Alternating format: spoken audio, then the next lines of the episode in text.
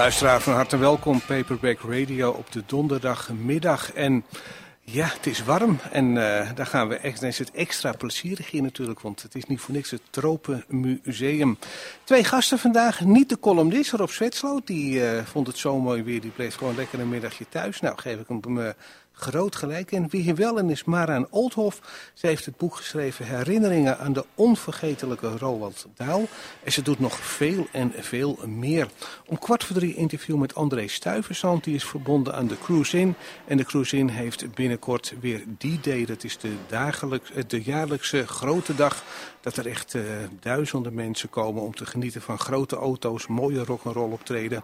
En hoe krijgen ze dat nou voor elkaar? Want subsidie krijgen ze nog altijd niet, maar wel elk jaar weer veel complimenten van de bezoekers. U gaat het straks horen. Maran Oldhoff, Maran, goedemiddag. Goedemiddag. Uh, jij hebt dat mooie boek geschreven over Roald, da Roald Daal. En Roald Daal voor de jongere luisteraars. Het was een, een fantastische schrijver, is maar 74 jaar geworden. Is alweer in 1990 overleden. Hè? Ja. Het is niet te geloven, alweer nee, 28 jaar geleden. Ja, ik kan het ook zelf niet geloven. Want uh, ja, eigenlijk denk ik heel vaak aan hem. En heel vaak vragen mensen naar hem. En dan begin ik altijd toch wel weer iets te vertellen over hem.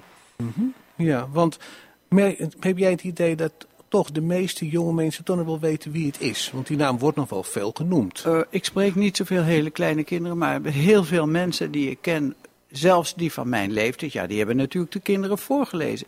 Die zeggen allemaal, oh Roldaal, oh heb je die gekend? Zeggen ze dan op zo'n toontje. zeg ik, ja, nou die weten het zeker. En ik geloof toch ook nog wel veel kinderen. Jawel. En ik denk ook natuurlijk in allerlei films en alles. Hij ja. wordt toch nog wel regelmatig Ja, en de uitgeverij was slim en heeft de boeken ook steeds in een nieuwe vorm uitgegeven. Dus dan, dan krijg je weer nieuwe aandacht voor zo'n boek. Hm. Voordat we over de, deze beroemde schrijver gaan spreken, wie is Maran Oldhoff? Ja, Maran Oldhoff. Maran is Maran, daar is er maar eentje van, zeg ik wel eens. Maar ik um, was van beroep bezig om grafisch ontwerper te worden. Dus het ook enige diploma dat ik heb is kunstacademie. Ja, want in welke plaats ben je opgegroeid? Uh, dat, de kunstacademie was in Enschede en ik kom uit Lochem. En de grap is dat ik nu weer in Lochem woon. Ah. Uh, dus vanuit Lochem ging je dan naar Enschede. Ja, en dan moet je een baan zoeken. Als je de kunstacademie gedaan hebt. Dat wil zeggen dat ik heel veel moeite had. Want ik zocht ba baantjes op... Uh, reclamebureaus. Dan shockste ik met die grote map onder mijn arm, met de trein natuurlijk, naar Rotterdam, naar reclamebureau, naar Amsterdam, naar Utrecht. Maar in die tijd waren reclamebureaus vooral bezet door mannen. We hebben het over jaren 60? Ja, ja want ik ben in 62 uh, begonnen met solliciteren. Dus dat weet je dan. En uh, nou ja, toen ben ik terechtgekomen als vormgever, layoutman heet dat, van een protestant-christelijk damesblad Prinses. En dat, is een, een dat was een zwart-wit tijdschrift? Nee, daar oh, zat toch ook wel wat oh, kleur in hoor. Ja. Maar het was uitgesproken uh, protestant-christelijk. Maar aan kon je dat merken? Dat het een echte... Nou, dat er uh, soms uh, gesprekken met een domineesvrouw waren of zo. Maar verder merkte je dat toch niet heel erg. Wanneer heb ik het heel sterk gemerkt? Dat ik op een goed moment vond uh, dat ik daar maar niet meer moest werken. Na zeven jaar was je niet meer waardevol voor je bedrijf, zeiden de mensen vroeger. En toen ben ik zomaar naar de redactie gegaan en naar mijn chef. En ik zei, jongens, ik zeg mijn baan op. Als jullie iets weten voor mij, uh, ik ga een wereldreis maken en geld is niet belangrijk. Goh, zei toen een vrouw van de redactie. Je hebt toch gezien dat we reizen aan het uh, organiseren zijn? Ja, zei ik, dat heb ik wel gezien, want we gaan nou de eerste reis maken op 17 december naar Joegoslavië. En we hebben nog geen reisleider. Zou jij dat willen zijn? En ik, ik zei meteen ja, want het interesseerde me nauwelijks wat er allemaal zou gebeuren. En geld was niet belangrijk. Ach, ik kreeg er iets geld voor. Dus ik was binnen twee weken de reisleider van een klein groepje mensen in een hotel bij Dubrovnik in Joegoslavië. En dat was nog in de tijd dat het nog allemaal onder Tito zeer uh, dat was onder communistisch. Oh ja, dat was nog zeer onder Tito. Uh, ja, hoe, ja. Merkte je dat als reisleider? Nou, en let op, wat gebeurde er? op de eerste, de beste zondag loop ik in de prachtige grote hal met uitzicht op de Adriatische Zee. En er komen twee dametjes naar mij toe. Echt van die grijze bolletjes. En de ene had een roze traspièsje aan. Een pièces, dat was een rokje, een truitje en een vestje. En dat was dan gebreid spul. En de andere had een grijs rokje aan en een, een lichtblauw twin setje. Echt van die heerlijke ouderwetse dingen. En ze keken naar mij met die trouwhartige oogjes en ze zeiden, waar is het? En ik dacht, ik dacht, ik heb nog nooit zo hard nagedacht. Ik begreep het ineens. Ik zei tegen ze, bedoelt u de godsdienstoefening? Ja, zeiden ze. Toen zei ik, nou, daar is nog niet in voorzien. Maar vanaf volgende week is er zeker, uh, zal ik er zeker voor zorgen. En dan, uh, dan hebben we op zondag een godsdienstoefening. En met kerstmis, hè, ah, het was 17e, met kerstmis, dan vieren wij met z'n allen samen wat wij gewend zijn samen te doen. Het komt in orde. Ik dacht, oh jee. Nu ineens begrijp ik waarom het met dat blad vast niet goed af zal lopen. Want we hebben er nooit voldoende aandacht aan besteed. Maar deze gasten van mij, die hadden allemaal besproken via dat blad. En die waren allemaal, nou ik durf wel hartstikke gelovig en protestant en zo. En die moesten op zondag iets doen. Vanaf dat moment, ik ben in Joegoslavië, Spanje, Oostenrijk geweest, heb ik op zondagen en op feestdagen dominee gespeeld. Maar dan zei ik heel eerlijk, ja. ik zei heel eerlijk tegen die mensen, uh, ik, ik ben geen dominee, ik speel geen dominee, maar wij doen samen op zondag wat wij op zondag gewend zijn samen te doen. Zo heb ik het gezegd. Mm -hmm. En heb je dan zelf een verhaal op, op papier ja, gezet? toen heb ik namelijk meteen uh, de uitgeverij gebeld en een bijbel gevraagd. Nou, er kwam met de volgende groep reis, reizigers kwam er een bijbel. Maar de eerste keer had ik zelf geen bijbel. Maar al die mensen hadden bijbeltjes en psalmenboekjes en gezangenboeken bij zich. Dan prikte ik met een potlood gewoon aan de zijkant erin. En dan sloeg ik het open en dan zag ik daar iets staan. Ik noem maar wat, Matthäus, zus en zo. En, dacht ik, en dan las ik wat daar stond. En toen dacht ik, nou, daar kan ik wel een verhaaltje van maken. Van de belevenissen van de afgelopen week of zoiets. Mm -hmm. of, wat, of wat we nog gaan doen, maar meestal van de afgelopen. Mensen vonden het prachtig. En zei, ik vroeg dan aan die mensen om er een psalm of een gezang bij te zoeken. Nou, en dat deden ze. Dus zo, zo hebben we dat gedaan. Waren jullie er toen van bewust dat je de wet overtrad in Joegoslavië? En dat je dan toch in die tijd daar behoorlijke straffen op stond? Nee, dat zeg je me nu. Nee, dat wist ik want niet. dat was in de tijd van Tito, dat was zwaar ver, verboden. En dan denk ik wel, ze waren ook natuurlijk wel gek op het geld van de toeristen. Dus ze zullen niet zo heel snel uh, de politie erop afsturen. Nee, maar en het hotel op... was splinternieuw. Wij waren de allereerste gasten van dat hotel. die... Misschien hebben ze het niet eens gesnapt in het begin. Nee, of, of ze hebben een oogje dichtgeknepen. Dat kan natuurlijk. Ja, nou, ik, dit is, dit is de allereerste keer van mijn hele leven dat ik daaraan denk. Nou, dat, dat... Maar ik vind het wel inderdaad een mooi verhaal. Op een gegeven moment uh, ben je bij uitgeverij Fontijn ja, ja, want ik dacht dus na een aantal reizen, dus een kleine drie jaar minder dan drie jaar was het hoor, dacht ik, och gut, oh gut, mijn echte werk, mijn echte, ik moet toch weer een serieuze baan hebben. En toen, uh, toen ben ik bij uitgeverij de Fontijn terechtgekomen.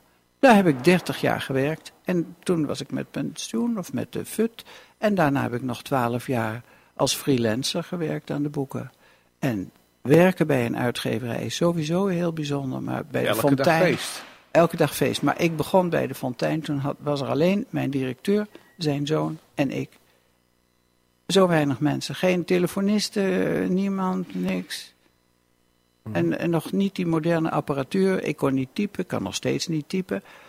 En um, ja, fotocopiëren. Ik zal een klein verhaaltje vertellen hoe het met fotocopiëren ging. Bijvoorbeeld, ik denk dat wat oudere mensen alleen nog weten hoe dat gaat, hoe dat ging.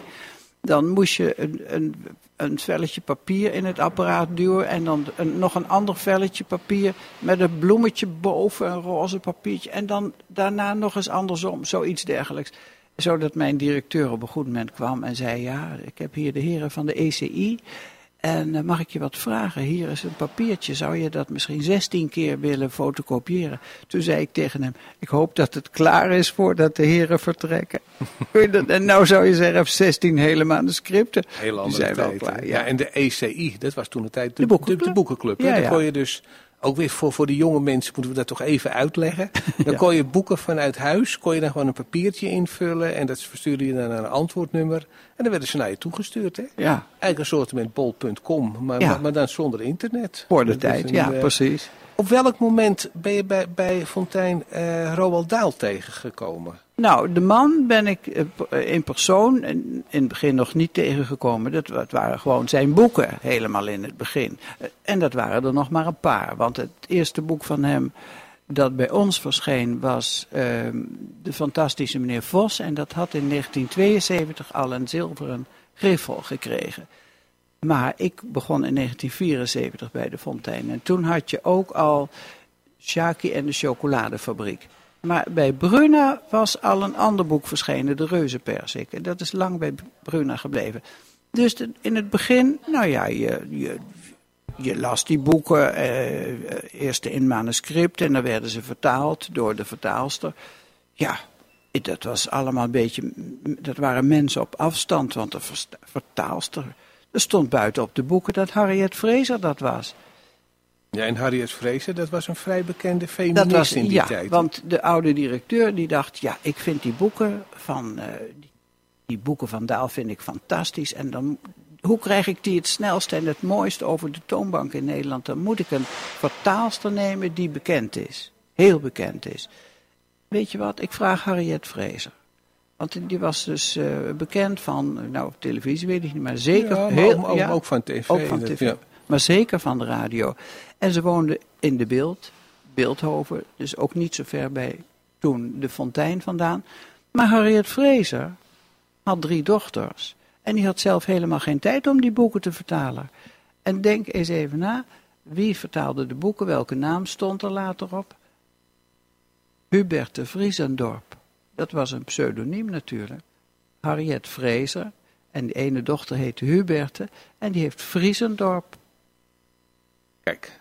En nou, en, nou, gebeurt dat wel vaker natuurlijk. Hè, dat, maar ja, ik denk het op zich, uh, ja, ze zeggen, hè, iedereen houdt van geld. Dus dat, uh, en, en ze heeft het ook goed gedaan. Nee, ze heeft er ook een prijs voor gekregen, die vertaald. Uh, Hubert de Vriesendorp heeft de Charlotte Keulerprijs voor haar verzamelde, voor het hele oeuvre van haar vertalingen van Daal gekregen. Ja, ja. terecht hoor, want je merkt toch wel als je Daal in het Engels leest, dan zijn er toch bepaalde ja, situaties dat je denkt, nou pittig om dat te vertalen. Ja, en dan denk bijvoorbeeld bij de grote vriendelijke reuzes aan uh, die namen van al die, die, die vleeslapeter en de weet ik veel, de, de, de, de knotshubbel, de pup. Je moet maar dingen weten te vertalen die er ook nog een beetje op lijken. Mm -hmm. En uh, dat heeft ze heel uitstekend gedaan. Oké. Ja. Op een gegeven moment, uh, Daal werd steeds populairder. Hij was ja. ook, op de, ook een, een, een schrijver die veel op de tv kwam. En de allerlei series en noem maar op. En, en ik geloof dat de Tros ook, die hele die had toch ook die serie, de ja, verhalen van Daal? Ja, ja, de Tales of the Unexpected bijvoorbeeld. En dan zag je hem zitten in zijn stoel met die oortjes. En uh, dan vertelde hij met die mooie sonore stem van hem. Maar de volwassen boeken, waar die verhalen uitkwamen, werden uitgegeven door Meulenhof. Wij brachten, de Fontein deed alleen de kinderboeken. Oh, puur, puur de kinderboeken? Ja. Puur de kinderboeken. Ja. Goed. Wat was het moment dat je hem de eerste keer zag? Kan je dat nog herinneren? Ja, dat, uh, dan kwam hij op Schiphol aan. Maar toen hadden we dus al wel getelefoneerd en zo. Um, ik zit nou heel... Ja, daar, daar moet ik zes keer nog eens even over nadenken. Of dat echt op Schiphol was. Of dat hij in Nederland was. Maar ik herinner me in ieder geval helemaal in het begin een keer... dat wij hadden geregeld dat hij hij wilde gewoon economy class vliegen. Maar verder wilde hij toch eigenlijk wel als een VIP behandeld worden. Dus wij hebben toen eh, contact gehad met iemand op Schiphol die, dat, die daar speciaal voor bij Schiphol werkt. En uh, die hadden dat uitstekend gedaan. Dus hij werd dan uh, met zijn, toen was het nog niet zijn vrouw, maar zijn vriendin, opgehaald uit het vliegtuig. En dan met zo'n karretje helemaal naar mij toegebracht. En daar stond ik met een grote bos bloemen. En ik herkende hem wel zo die lange figuur. En mhm. ik had een auto gehuurd uh, van de zaak. En dat op zich was al een raar verhaal, want ik had aan onze directeur gevraagd, de hoofddirecteur van de Bos en Keuning groep. Zeg, ik moet een auto gaan huren, want meneer Daal komt en die kan ik toch niet in mijn lelijke eend meenemen. Kan nee. wel, maar... Ja, toen zei hij, wat bedoel je nou? Wil je dan mijn uh, turbo uh, lenen? Toen zei ik, tegen ja, als dat kan. Nee, zei hij, dat kan niet. Ga maar naar die en die en die zal wel een auto voor jou huren. En toen heb ik een, in een Ford Granada gereden. Maar in die tijd, je wilde er goed uitzien en mooi uitzien, droeg ik van die hele hoge hakken.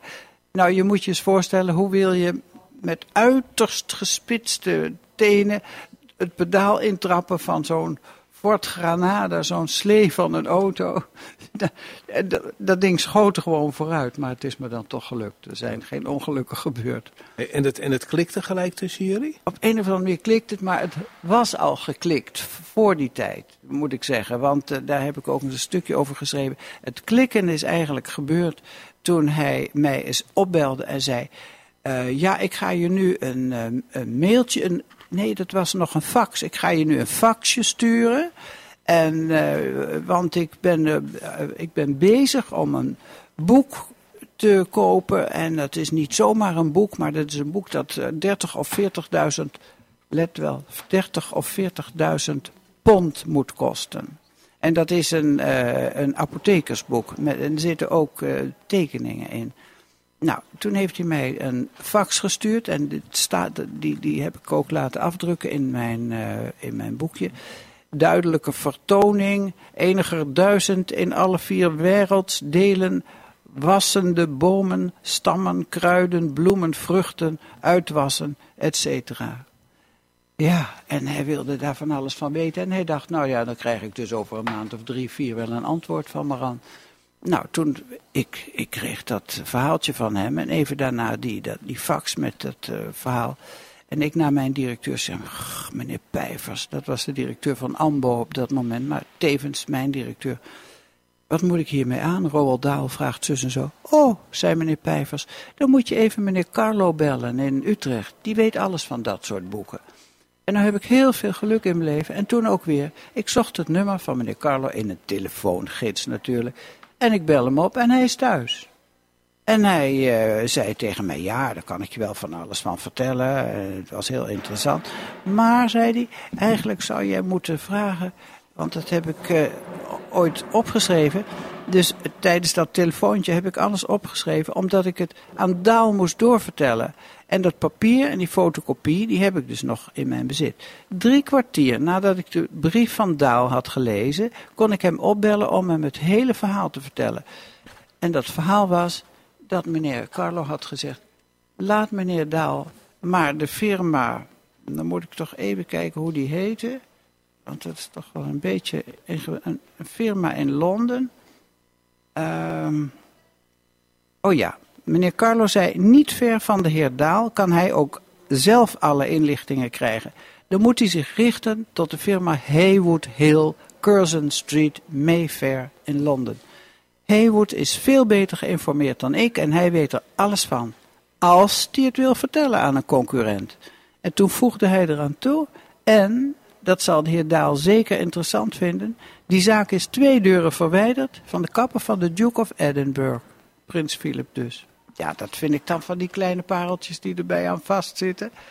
Absoluut. Dus binnen drie kwartier kon ik Daal terugbellen en dit hele verhaal vertellen. En ja, dit kijk, erbij. dan maak je een goede indruk. Precies, hij was verbijsterd. Hij zei, nou ja, dat had hij dus nooit gedacht. Toch over de persoon Daal, hè? want uh, in Wales ge geboren, ging als jongeman werken bij de Shell. Toen werd het oorlog en toen ging Nee, hij... omdat, ja, ja, Ja, is waar, toen, ja. toen, toen werd hij piloot. ja. Uh, hoe lang is hij piloot geweest? Want hij is wegens hoofdletsel is hij afgekeurd. Eigenlijk maar kort. Ja. Veel korter dan ik altijd gedacht had. En, uh, want hij heeft eigenlijk maar, ja, hij is gevlogen van, van hier naar Syrië geloof ik. En, nog weer en verder in- naar het in- oosten. En in Lib- Libië geloof ik? Ja, daar is hij neergestort, Ja. in Libië. Omdat hij op een of andere manier eh, 80 kilometer of mijl te ver oostelijk of westelijk was van het doel waar hij eigenlijk naartoe had gemoeten. En toen is dat, eh, ja, zo'n klein vliegtuigje natuurlijk, ja, dat is neergestort. En eh, het is in brand gegaan. Hmm, En toen hebben ze hem afgekeurd. Maar in oorlogstijd moet er echt wel heel wat aan de hand zijn voordat ze je afkeuren. Ja, Want toen dacht ik, dat hoofdletsel, heeft hij daar nou later geen last? Hij had dus een aantal littekens in zijn gezicht. Ja, maar, Maar, die neus, eh, was al, hij had al heel vroeger een ongeluk gehad. Toen eh, een van zijn zusters eh, de autobestuur, hun eerste auto bestuurde. Die zus is de heg ingereden. Toen lag zijn neus er zo wat af. oh, oh, Ja, Daal heeft nog wel eens wat gehad. Maar door dat ongeluk had hij vooral last van zijn rug.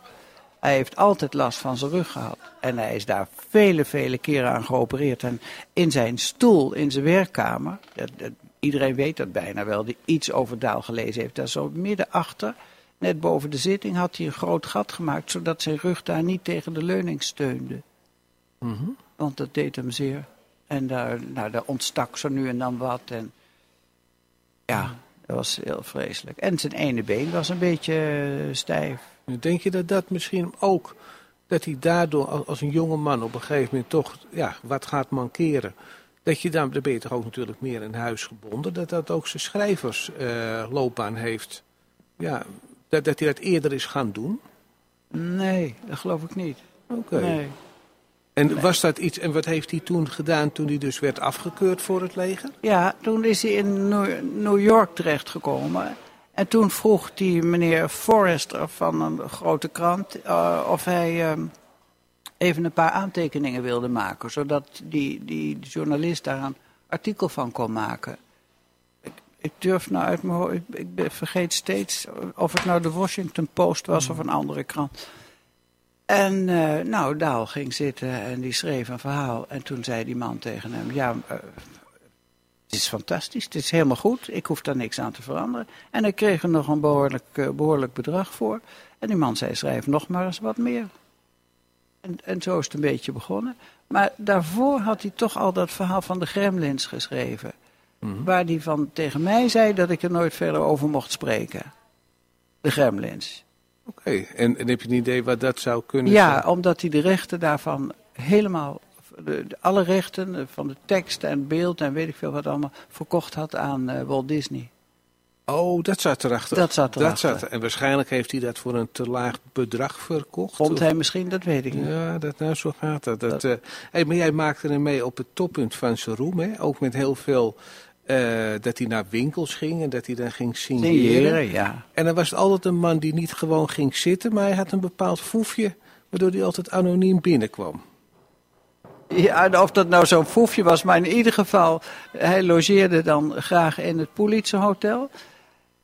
En dan, hij, hij liep da- daar langs de gracht op weg naar de kinderboekwinkel in de Tweede Bloemgrachtstraat of Bloemstraat. En al die mensen die keken dan heel verwachtingsvol en, en naar de kinderboekenwinkel. Hè. Ze keken allemaal naar die deuren, allemaal voor zich uit. En Daal met zijn stok en zijn rode broek aan en zijn vestje omgeslagen. Liep gewoon langs die massa en niemand zag hem. Want die mensen, de mensen zijn zo gek. Die keken gewoon naar voren. Die dachten dat hij als een spook wel uit, de, uit het niks tevoorschijn zou komen. Nee, hij liep al lang langs die mensen. Dus dat was helemaal niet zo'n echt uitgesproken foefje. Maar, maar zo gek zijn de mensen. Die kijken gewoon naar waar ze denken dat ze hem zullen zien. Ja. Ja, dat, dat vond ik fantastisch. Daar heb ik ook een eh, foto toen van gemaakt. Daar heb ik zelf een foto van gemaakt.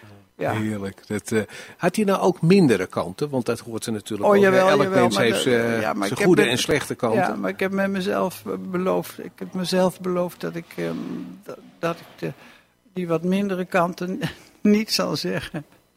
Oké. En heb je... Maar dat waren er ook eigenlijk niet zoveel. Hij had, hij had soms wonderlijke trekjes. Hoort er een beetje bij, hè? Dat, Ja, eh, ja. Op welk moment ben jij, want het is natuurlijk al een hele tijd geleden, maar op welk moment heb jij nou besloten om hier een boek over te maken? Ja, dat zijn eh, gedachten over hem, zoals ik net zei. Ik denk nog zo vaak aan hem. Die moesten eruit op een goed moment. Dus ik, het zijn ook maar, ik heb ook maar kleinere stukjes geschreven. Maar dat zijn anekdotes die niemand weet. Dit zijn gewoon dingen die mij persoonlijk zijn eh, overkomen met hem. En, en, gaat ook eigenlijk niemand anders wat aan. Maar ik dacht, het is toch leuk om het op te schrijven. Het is toch een beetje, het is zo'n bijzonder man. Het is toch een beetje bijzonder wat ik zo heb meegemaakt met hem. Ach, laat ik maar eh, eens de computer pakken. En ik schreef zo nu en dan eens wat stukjes. En eh, op een goede dag is er een stukje van in Bune gekomen. Een soort literaire eh, uitgave van uitgeverij Aspect. En ehm, nou, dat stimuleerde om eh, toch maar een beetje door te gaan. Nou, daar is dit van geworden. Oké, toen was het boek, eh, kwam het uit. Ja. Heb, je het ook op, heb je het ook nog laten weten aan de erfgenamen? Ja, ik Daal? heb het gestuurd aan de weduwe van eh Roald Dahl, maar ik heb er nooit iets over gehoord. En ik denk, misschien is het iets te persoonlijk, maar ik vind zelf dat het ook een, zoals ik haar schreef, een tribute niet alleen aan Daal zelf was, maar ook aan haar. Het, ik vind dat ik haar er heel erg goed uit laat komen. Ze komt er heel, want je eh, moment dat ik las dat jullie dan ook samen op stap gingen. Ja. Hè, winkelen en alles. Nou ja, dat, ze komt allemaal als een heel lief Zij mens. moest gewoon hele goede dingen voor mij kopen. Eh, zoals ik schreef over die schoenen van Ferragamo in Den Haag. Eh, dat, dat- heel sneaky, heel slimmetjes. Zij kocht zelf eh, zo'n paar schoenen. En voordat ik het wist, stond de vrouw van de winkel voor mij met zo'n doos. Met, en haalde daar uit dat ritselende papier de muiltjes. En ik moest zo'n ding, zo'n schoentje aantrekken. En, en ik zei, ja maar, dat kan ik niet aannemen. Toen zei ze, he'll kill me. Ja, daar zeg je geen nee meer natuurlijk. Nee. En dat want die schoenen waren 600 gulden. Eh, En nee, heb- 480. 400. Maar dan hebben we het over welk jaar? Eh, oh, heb ik dat erbij gezet? Maar in ieder geval jaren 80, waar was dat heel lang geleden? heel lang geleden. Maar ik kan ze zo dragen hoor, want... eh, Ja, want dat is juist het bijzondere. Dat als je zulke dure schoenen koopt, het is natuurlijk een hele uitgave. Maar vele jaren, als het goed is, kun je er heel lang mee doen. Ja, het, ik, ik, kan ze zo, ik kan ze zo aantrekken. Ze, ik laat het nog wel eens aan mensen zien en dan wiebel ik daar een paar passen op, want ze zijn wel erg hoog van hak. Maar in het verleden liep ik heel makkelijk daarmee eh, door Amsterdam of zo. Ik heb ermee door een regenbui gelopen. Ja, aan de zolen zie je dat ze gebruikt zijn, maar ze zijn prachtig en hier zie je ze. Ja, ja, dan is dit radio, dus maar ik, ik, Ja, je ik, kan ze niet. Ik zie de foto inderdaad, hoe Ja. mooi ze er nog uitzien. Ja, En wat was de laatste keer dat je hem hebt gezien? dat zou ik ook even niet In weten. 1990 overleden, maar Ja, maar en vlak voordat hij overleed, drie weken daarvoor, heb ik hem nog aan de telefoon gehad. En toen eh, lag hij in het ziekenhuis en toen bromde hij zo. Zei hij, oh, zei hij, eh, ja, eh, they chopped me off of zoiets, zei hij. Dat heb ik in mijn boek geschreven, dus het zou het heel zou tijd kosten om dat op te zoeken. Hij zei, maar ze knappen me wel weer op, ik ben zo vaak geopereerd. En vlak, toen ging ik met vakantie naar Indonesië. En op, nou, vlak voor mijn vakantie stuurde ik hem een kaart. Ik dacht, laat ik dat dan even doen, want eh, ik mis hem natuurlijk nou even een paar weken. En toen was ik in eh, Indonesië, zei iemand tegen mij... Je kent toch Roald Dahl? Ja. Nou, die is dood. Ah. Kun je je voorstellen wat je dan voelt? ja, ja, er is er geen enkel vakantiegevoel meer op dat moment. Nee, en ik, zou, ik zou vijf weken wegblijven. Mijn oude directeur overleed ook in die vakantie. Ja, ja, dat kan Was- snel gaan. Dat kan- hard. Dat is heel hard. Dat is een. eh hey, hoe is- nou heb je in die, bij die fontein heel lang gewerkt. Wat zijn nog meer beroemde schrijvers waar je hele plezierige of wonderlijke ervaringen aan hebt? Maar ik stipte straks eh, Ans Wortel aan. En ehm Appie Baantje. Dat Appie, Appie Baantje was natuurlijk voor ons heel belangrijk. Het was echt zoals Roald Dahl geld binnenbracht wat de kinderboeken betrof. Was het Appie Baantje voor de volwassenen. Want dat was twee keer per jaar eh, grote knallen hoor. Ja, want aan wat voor aantallen moeten we dan denken? Hoeveel van die boeken Nou, werden op de, in de toptijd eh, ging het wel voor, iets van 125.000 of zoiets dergelijks. Ja, Belachelijke bedra- aantal. ja maar ik, ik weet wel dat, dat, dat die man was een tijd lang zo populair. En, en, en eigenlijk iedereen van boven de 50, nou, die kocht die boeken. Die, die vond het prachtig. Ja, en als je dat helemaal, als je dat helemaal waren- leuk vond, dan bleef je het kopen. Ja, en er waren jongetjes van een jaar of 12 tot 14, weet je wel, die normaal nooit iets lazen. Die lazen wel omdat ze de baantjeboeken wilden lezen. Die zijn aan het lezen geslagen door baantje. Mhm. En daar, daar, moet- daar moet ik dan wel om lachen. We hebben op een goed moment zijn boeken zelfs bij ons op de kinderboekenfolder gezet. Omdat we dat wisten, dat, dat de jonge jongens eh, door baantje gingen lezen. Mhm. Ik heb ook één keer het genoeg gehad om Baantje te mogen interviewen. En wat mij toen wel opviel, dat ondanks al zijn succes, waar je hem heel erg mee de kast op kon krijgen, als je bijvoorbeeld tegen hem zei, ja, maar je wordt door de echte literaire jongens niet serieus genomen. En dan Ja. zei hij zijn eerste reactie van, oh ja, dat moeten ze zelf weten. En dan merkte hij toch een paar regels later al, dat het hem wel dwars zat. Ja, want die zal ik dan even verklappen. Hij zei ook tegen mij, hij had dus uitgerekend hoeveel lettergrepen uh, Hemingway uh, in één regel of in één zin gebruikte. Hij zei, dat deed, had hij ook. Dan heeft het hem heel dwars gezeten als hij, dat, als hij daar een studie van... Want en, daar, en daar, ooit, daar, moet je een studie van maken, anders weet je dat niet. En in een van zijn boeken zit, één zit twee keer exact dezelfde bladzijde... met precies dezelfde tekst. Zeg ik, maar Appie, kijk nou toch eens daar diezelfde bladzijde met die, met die blonde krullenbol, die staat in dit boek twee keer. Ja, ja, zei hij. Dat deed, uh, volgens mij had hij toen weer over Hemingway. Die heeft dat ook gedaan. Mm -hmm, ja, maar het blijft natuurlijk, ik denk wel zo'n man als Appie Baantje. Zo één komt er natuurlijk nooit meer. Ten eerste nee. omdat je in deze tijd is er veel te veel, is alles versnipperd. Hè? Hij was ja. nog uit de tijd dat iedereen op tv, ook naar die tv-serie met Pieter Reumer. Ja, maar je kan toch niet, het was toch een andere tijd. Het, het was, het toch, was totaal anders. Ja, en ik vind dat Piet Reumer, uh, uh, Peter, Peter Reumer heet hij, heel goed gedaan heeft. Hij heeft nog een stuk of vijf boekjes geschreven. Helemaal in de trant van Baantje. Ja. Dat vind ik een kunststukje eigenlijk. Ja. Maar, dat, maar dat kan dan ook niet meer daarna. Want dan, is het, dan wordt het ja, belachelijk. Ja, maar is het ook niet zo dat, zoals met de boeken van Baantje, en dan haal ik alvast een beetje onze volgende gasten bij André Stuyvesant van de Cruise in. Is het nou ook zo met als je nu Baantje terugleest, dat je denkt van ja, het is toch ook alweer een beetje gedateerd? Ja, ja, ja, ja. Je mag...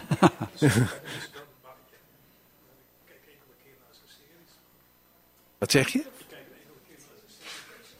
Oh, oké. Oh, ik, heb, ja, ik, ik haal André er eigenlijk maar uh, pardoes bij. Dus het is, maar de microfoon, we hebben hem naar een andere microfoon uh, gestuurd. Maar André, ik weet niet of jij een fan was van uh, Baantje in die tijd?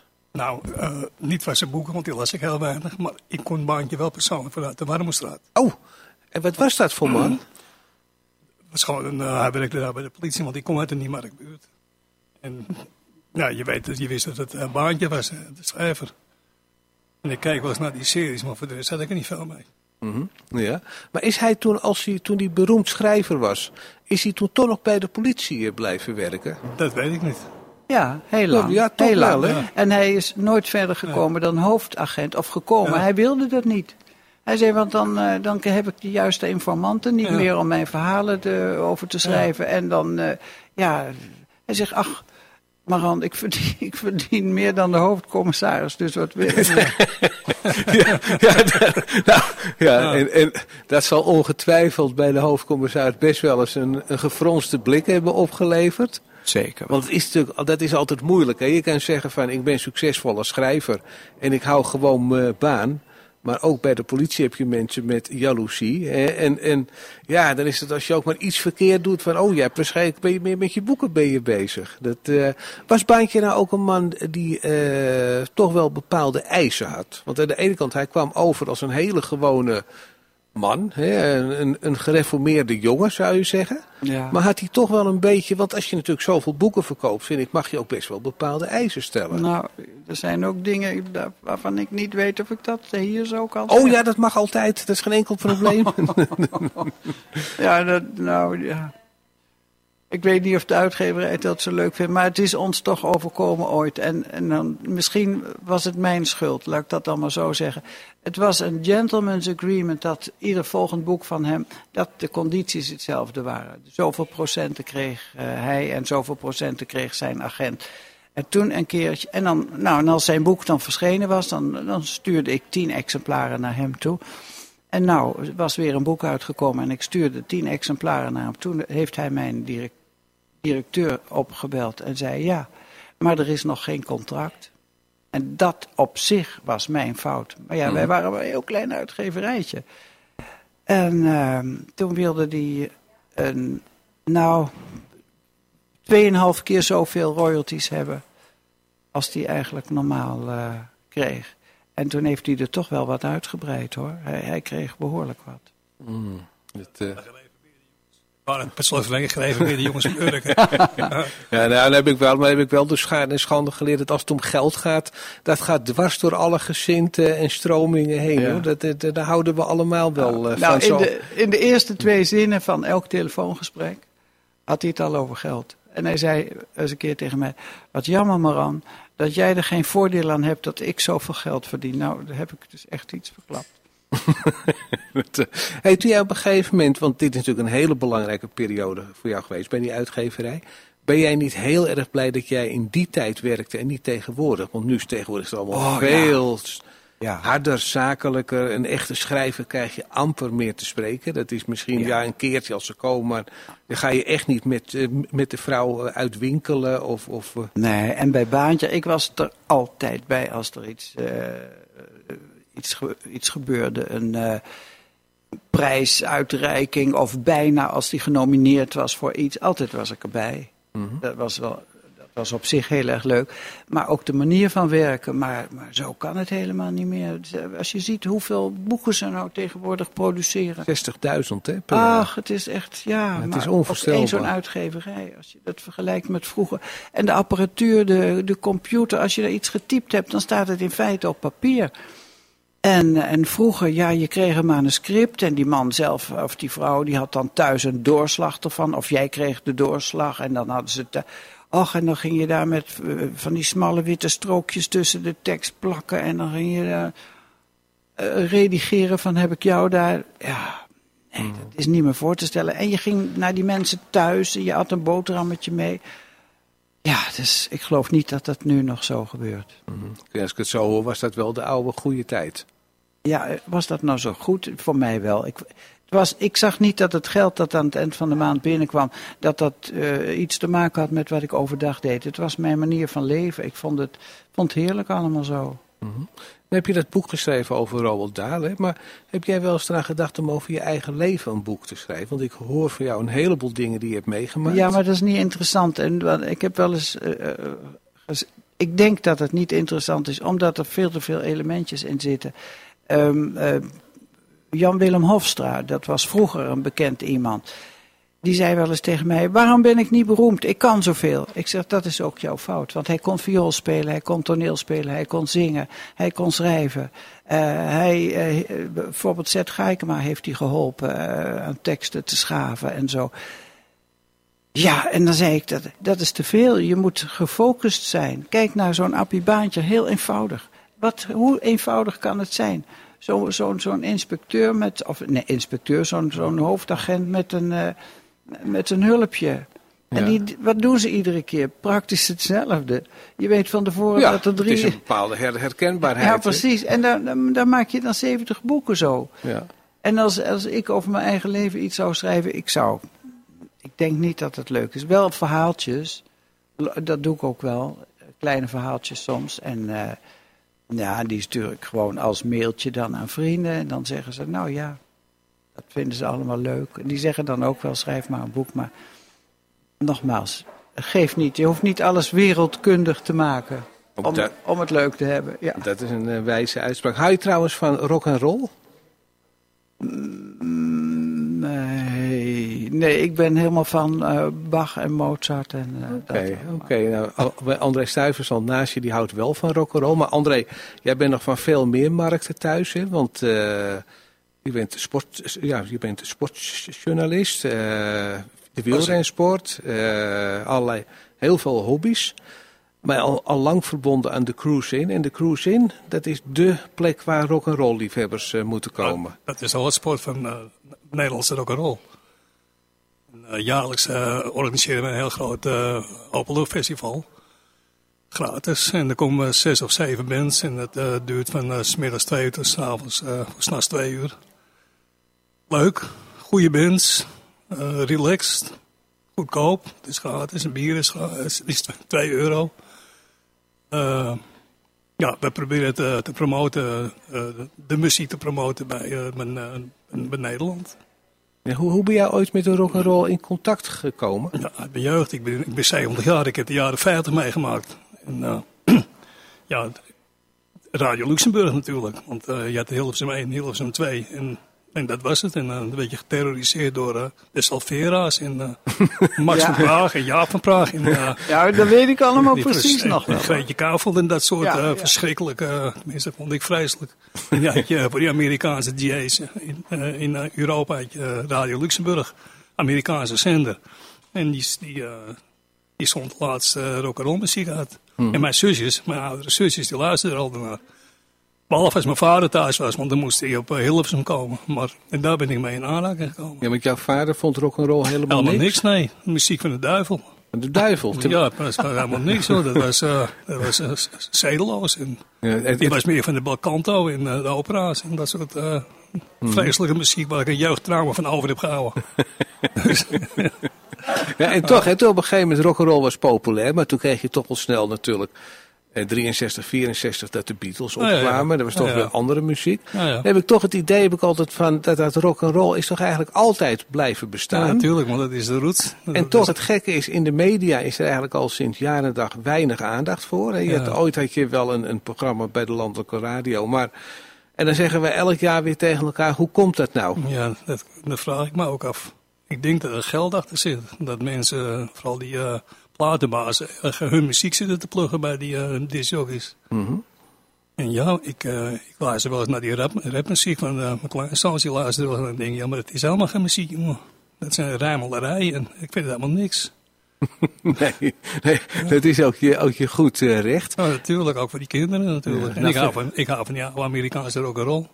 Ja, ja, want je bent ook in Amerika ben je ook op verschillende plekken geweest waar de rock'n'roll sterren zijn opgegroeid en waar Ja. ze alles hebben meegemaakt. Hè? Wat was nou als je een top 3 moet maken, de, de, de plekken die het meeste indruk heb je, op jou hebben Nou, gemaakt? ik heb eh, meerdere keren door het zuiden van Amerika gere- gereden. En toen kwam ik een keer in Louisiana. Ik denk, ik ga naar het geboortehuis van Jerry Lee Lewis. Eh, die woont in Ferryway. Dat is eh, heel uh, cliché, maar midden in de katoenakkers. Vlak bij de Mississippi rivier. En eh, een piepklein dorpje, tien huizen en een drankenzaak en vier kerkjes. En, nou, ik kom bij dat geboortehuis. Maar dan woont zijn zuster nog, Frankie Lee. Maar dus ik maak wat foto's en die vrouw komt naar buiten toe. Maar ik wist, als je naar binnen gaat, moest je 15 dollar betalen. Daar had ik helemaal in. En toen zei ze, kom je nou naar binnen of niet? Ik zei, nou nee, ik heb, eh, ik heb geen tijd. Nou, en toen ontplofte ze, jongen. De agressie die spoot uit haar oren. Dus ik was helemaal op en onder de indruk. Maar later zag ik in het Uur van de Wolf, dat is eh, de, die documentaire serie bij de VPRO. Hadden ze een documentaire over haar gemaakt. Er waren Noorse journalisten die er ook bij kwamen. En toen zag ik, ja, die vrouw die spoorde niet. Die was, eh, die was ja, helemaal van het padje af. En ja, wat ben ik nog meer geweest? In de Sun Studio we geweest. Ja, ja. En twee jaar geleden ben ik in, Clarks, in Clarksdale geweest. Dat was in eh, de staat Mississippi. En daar kwamen al die, ook die oude bluesjongens vandaan. Muddy Waters en, en dat soort jongens. En dat, dat, dat maakte eigenlijk, het is niet mijn muziek, de, de blues, maar dat maakt wel een hele diepe indruk op mij. En dan zie je hoe, die, hoe arm die mensen daar zijn. Het is echt, eh, zoals het beschreven wordt, eh katoenakkers en ontzettend arme dorpjes. En eh, die zwarte bevolking, die hebben werkelijk niks. En uit diezelfde streek kwamen al die grote bluesmannen. ja. En Ja, ze zeggen wel, als je goede blues schrijft, dan moet je de armoede meegemaakt hebben. Dan moet je honger geleden. Nou, dat is het daarom. En nog steeds. Het is fascinerend om dat allemaal te zien. En er zijn volgens mij ook wel honderden musea's daar gemaakt over Ja. rock'n'roll, artiesten, blues. Zijn er nog plekken waar je nog naartoe wil? Dat je echt denkt van ja, dat staat nog op mijn lijstje. Ja, er zijn meerdere plekken. Ik wil ook naar plekken van mijn sporthelden die begraven liggen. Dus ik, eh bevraag het heel, ik vind het heel fijn dat al die kerken af, eh, aflopen. En, eh, dus niet. Ja, wat is nou, want je bent ook met, met sporthelden ben je in de Ja. hè? Wat is nou echt een sportheld waar je, zegt- waarvan je zegt van ja, die wil ik nog eens een keer dat graf bezoeken? eh, Jimmy Michael, dat is de eerste wereldkampioen steden, 1903. En die jongen die overleed in 1906 op een heel tragische manier. Eh, die ging, eh, was een, een uit, uit Wales. En die had, was op die Duitse wielerbanen gevallen op zijn hoofd. Die had contract in Amerika. Die ging met de boot met zijn vrouw naar Amerika toe. En midden op de oceaan stierf hij aan die, aan die val van zijn hoofd. Die wilde ze hem overboord zetten, maar zijn vrouw wilde dat niet. En toen hebben ze hem, eh, dat, dus dat lijk begon al eh, te ruiken. Toen hebben ze hem toch aan boord gehouden. Toen hebben ze hem begraven in New York. Helemaal vergeten. Graf helemaal vergeten. Is er nog steeds. Dus dat wil ik een keer zoeken. Oh, dat lijkt- Ja. en, en, en zou dat graf nog intact zijn? Ja, de graf is nog intact, ja. Oké, want dat kun je natuurlijk tegenwoordig kun je dat navragen via Ja, internet. via internet. Dan heb je ook nog een bokser, Sam McVeigh, zwarte bokser. Dat waren jongens die vochten eh, tussen 1902 en 1914. Maar zwarte boxers mochten niet tegen witte boxers eh, boksen. Dus was die, die segregatie was er. Ja, want dat wordt wel eens vergeten. Hè? Dat bijvoorbeeld in Amerika, eigenlijk tot begin jaren 50, was dat ook allemaal gemengd. Hè? Dus met honkbal Ja, eh, blanke... Nee, het was niet gemengd. Het was Nee, ik, ik bedoelde, dat was, was al- gescheiden. dat was allemaal ge- gescheiden. Ja. Maar ook in het leger. Want dat Leger bijvoorbeeld ook, ja. wel eens, als Ja. je vaak oorlogsfilms ziet... Dan wordt er net gedaan alsof alle groepen eh, door elkaar zaten. Maar nee, dat was strikt gescheiden. Strikt er was ook niemand die daar eigenlijk aan... Die, die- ja, er was ook niemand die daar aan twijfelde eigenlijk. dat was heel normaal in die tijd. Ja, maar, die, maar die zwarte boxers voor de Eerste Wereldoorlog, die waren veel sterker dan die blanke boxers. Maar ze lieten ze niet tegen elkaar boksen. Nou, je had ook hele goede zwarte boxers. Die jongens die werden naar Parijs gehaald. En dan had je eh, baron de Rothschild, die organiseerde bokswedstrijden in het, eh, casino van Parijs. Dat was alleen voor de happy few. Toen had hij een keer een wedstrijd had hij, eh, had hij, geëngageerd tussen Sam McVeigh en Joe Jeanette. Twee zwarte jongens. En tot de eerste neerging. Nou, dit was een verschrikkelijk verhaal hoor. Nou, het gevecht duurde 42 ronden. Dat is een abs- 42? 42 ro- het langste gevecht ook. Hoe kan je dat overleven? Ja, dat is, dat is het gemene juist. Want die jongens werden helemaal uitgemolken door die blanke managers. Maar de winnaar, die kreeg het geld natuurlijk. Nou, die jongens die hadden niks. Die kwamen van die plantages af in Louisiana. Ja. Dus dat ging maar door. Maar die, die Sam McVeigh die stond een straatlengte voor met punten. In de 42 minuut liet hij even zijn dekking zakken. En toen, toen haalde Joe net haalde neer. Dus hij ging nog uit. Die Joe net is later een, eh, een man in bonus geworden. Die heeft zijn geld goed eh, belegd in New York. Een autozaken. Maar die Sam McVeigh niet. Die jongen die, ging, die, kon er niet meer tegen. Die neemde er helemaal weg. En die is in eh, 19, 19 is overleden. Helemaal be- berouwd en, en geen geld voor een uh, graf hebben. Die boxers hebben hem begraven op een uh, begraafplaats in New York. Nou, dat graf wil ik bezoeken. En hoe weet ik dat? Ik verzamel die oude sportjaargangen van, voor, voor, de, voor, voor de Eerste Wereldoorlog. Ik heb uh, Revue der Sporten, misschien kent u dat wel. Dat is een heel oud sportblad. In 1909 stond het helemaal beschreven. En die jongens werden aangekondigd als de neger. Gewoon, dat zeiden ze Ja, gewoon. ja. Gewoon heel racistisch was het, man. En, uh, nou ja, de drama die, die, die droop er vanaf. En uh, dat was echt heel erg. Maar er zit toch een boek in? Er zit een boek in, ja. Ja. En maar van die Sam McVeigh...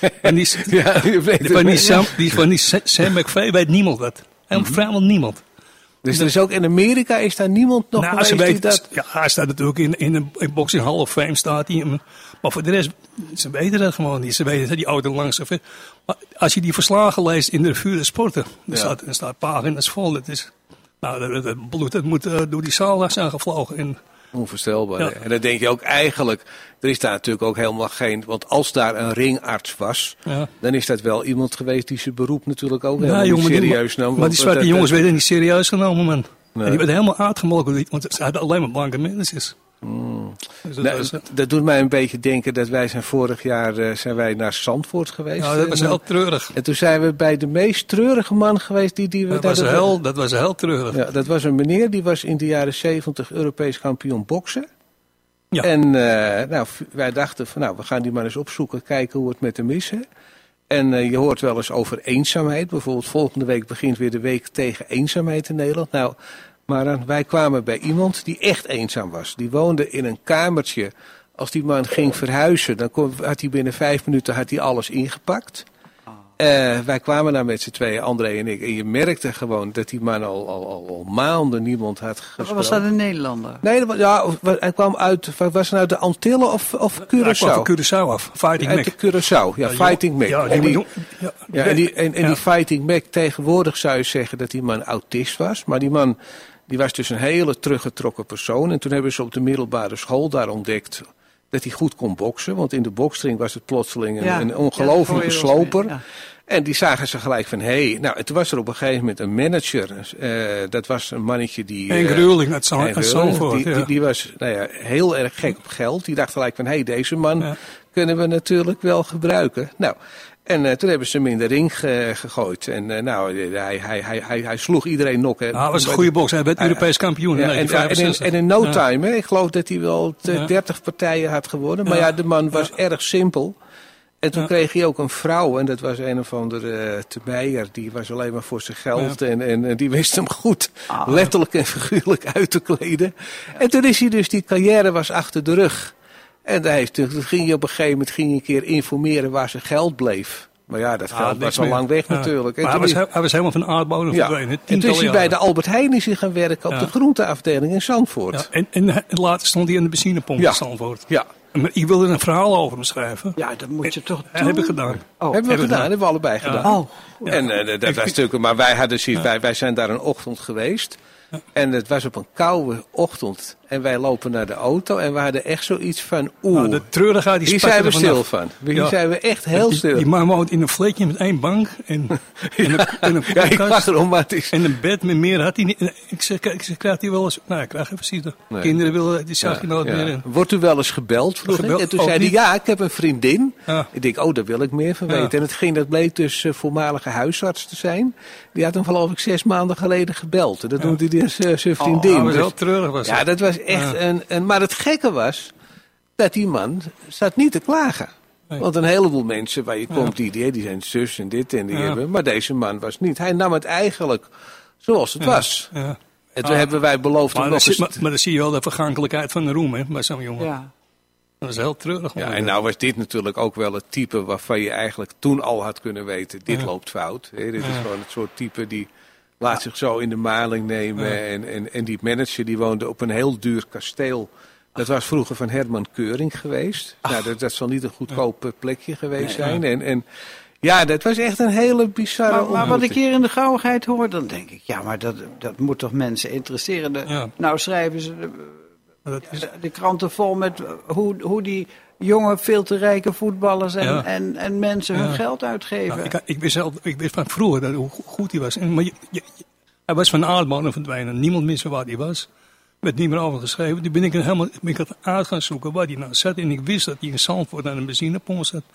Nou, via via kreeg ik het te horen van nou, hij, eh, hij is nou gepensioneerd en, eh, en daar en daar woont hij. Dus ik ben er gewoon de eerste keer naar hem toe gegaan. En de tweede keer met, eh met Bert. En, Ja.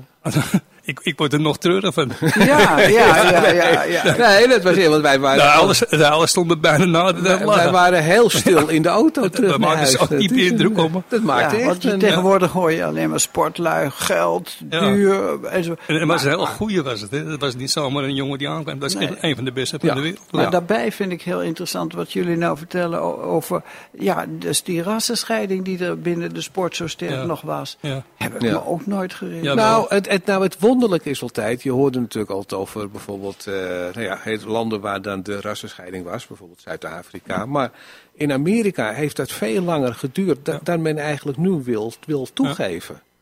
En dat werd eigenlijk door de mensen, werd dat eigenlijk door de meeste mensen, werd dat eigenlijk als iets heel normaals Ja. beschouwd. En wat het ook ingewikkeld maakt, want je zou dan in deze tijd denken van, goh, scheiding, dat vindt iedereen erg. Nou, op een gegeven moment dat dat echt doorkwam, dat was in de tijd van Johnson.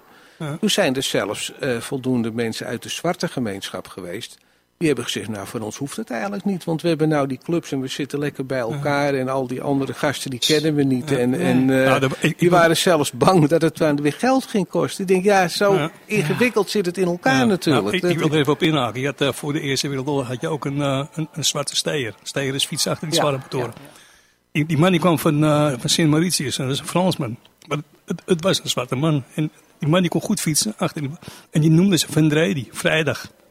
dus na het boek van uh, Robinson Crusoe. Van André van Dredi. Van Dredi, ja. Maar die man die kreeg een contract bij, een, eh, bij de Geurig eh, fietsenfabriek in, in Duitsland. Want in Duitsland eh, wa- waren de meeste wielenbanen. En er werden eh, promotiefoto's van die man gemaakt. En er stond boven Van Dredi, neger. Dus ja. ja. Ja maar, ja, maar, ja, ja, maar was dat lelijk bedoeld? Weet je wel? Nou, Dat- de mensen dat- wisten dat- volgens mij Ik denk dat dat helemaal niet een. Ja, eh, ja, die ik denk mensen- dat het gewoon een hele andere tijd Ja. en, en, en dat mensen daar helemaal niet bij. Ja. Ja, dat Het is. was een- misschien niet lelijk bedoeld, maar ze handelden er wel naar dat die ja. man zwart Dat was. was- ja, ja, er was dat een- is dus wel erg. Ja, Ja. ja. Maar ja, er zijn natuurlijk een heleboel dingen veranderd. Hè? Eh, en dat is een, een, een.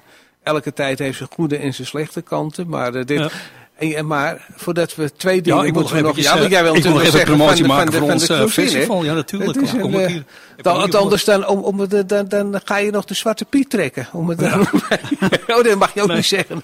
Nou ja, we hebben dus zaterdag en 9 juni is dat eh, jaarlijks, ons jaarlijks festival. Uh, tweedeels keer, zes bands. Prachtige auto's voor de Prachtige deur. Amerikaanse auto's, veel markstalletjes. eh Waar? Zeeburger, oh sorry, Zeeburger, Zeeburger Eiland tussen de Schellingwaardenbrug en in het Zuiderzeeweg. Makkelijk te vinden. Je kan met de eh, tram 29 van het Centraal Station gratis. Uh, waar vind je nog een gratis? De oudste muziekfestivals van Amsterdam. Gebeurt nooit rottigheid. Nooit de vechtpartij geweest, niks. Uh, ik zou zeggen, kom, kom er langs en uh, geniet van die muziek. En uh, dompel je onder in de 50s. En laat het op je afkomen. Goede muziek. Lekker swingen, rock'n'rollen. Goed mhm. biertje. Nou. Of frisdrankje, nou, wat je nou, wil. Nou, ik zie maar een kijker. Ze zegt ze houdt van de klassiek, maar je best komt dat ze even de trein pakt van Lochem. Uh, maar dan is ook uitgenodigd met deze. We hebben in Lochem ook een openluchtfestival binnenkort. Hè.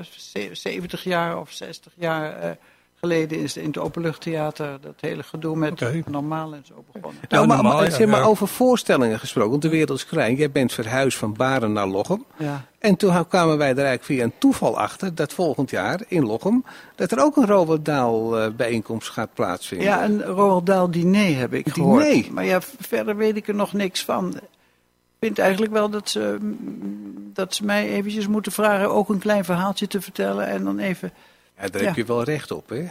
Weet je, altijd brutaal zijn, gewoon jezelf aanbieden, hoor. Als mensen het boek nog willen kopen, waar, waar, waar, eh, kunnen ze dat... In de eh, boekwinkel.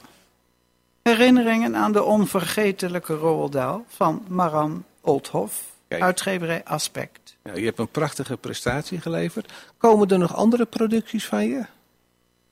Want dan zou je, als je nee zou zeggen, ben je de eerste schrijver sinds tijden die we hier hebben, die, die niet nog een boek gaat maken. Want nou, nou, schrijven zal ik wel blijven doen, maar of, het nog, of er nog een boek van komt, dat weet ik niet hoor.